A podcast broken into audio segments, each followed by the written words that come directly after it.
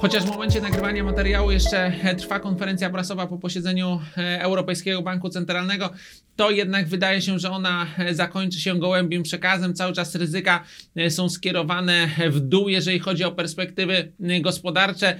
Cały czas również EBC wydaje się być pesymistyczny co do przyszłej kondycji gospodarki właśnie w najbliższych miesiącach. Cały czas inflacja ma stosunkowo powoli dochodzić do celu i cały czas EBC jest łagodny, żeby reagować, czyli można powiedzieć, żeby stymulować e, gospodarkę, gdyby ona nie rosła e, w tym tempie.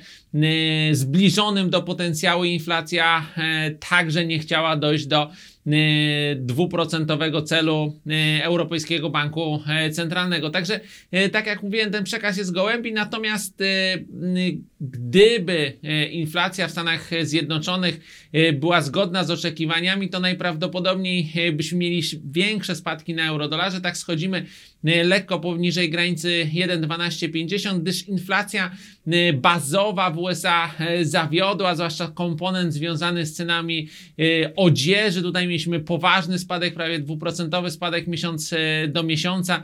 To spowodowało, że rzeczywiście inflacja e, bazowa była poniżej e, oczekiwań, natomiast inne jej składniki, między innymi związane z, z nieruchomościami czy z usługami medycznymi rosną całkiem szybko, więc jeżeli to był taki jednorazowo miesięczny wyskok, to być może zobaczymy przyspieszenie inflacji w przyszłym miesiącu, ale to w tym momencie jest nieważne. Cały czas ta presja inflacyjna e, z USA nie jest na tyle wysoka, żeby e, powróciły rozmowy e, na temat podwyżek stóp procentowych. No i dodatkowo mieliśmy słabe, stosunkowo słabo tempo wzrostu wynagrodzeń w piątkowych danych z USA, więc dolar nie ma wsparcia dzisiaj z danych makroekonomicznych. Jeżeli zaś chodzi o sytuację związaną e, z Brexitem, e, to nie ma nowych informacji. Szczyt unijny rozpoczyna się o godzinie 18. Ten scenariusz bazowy przedstawiony e, przez nas, czyli wydłużenie okresu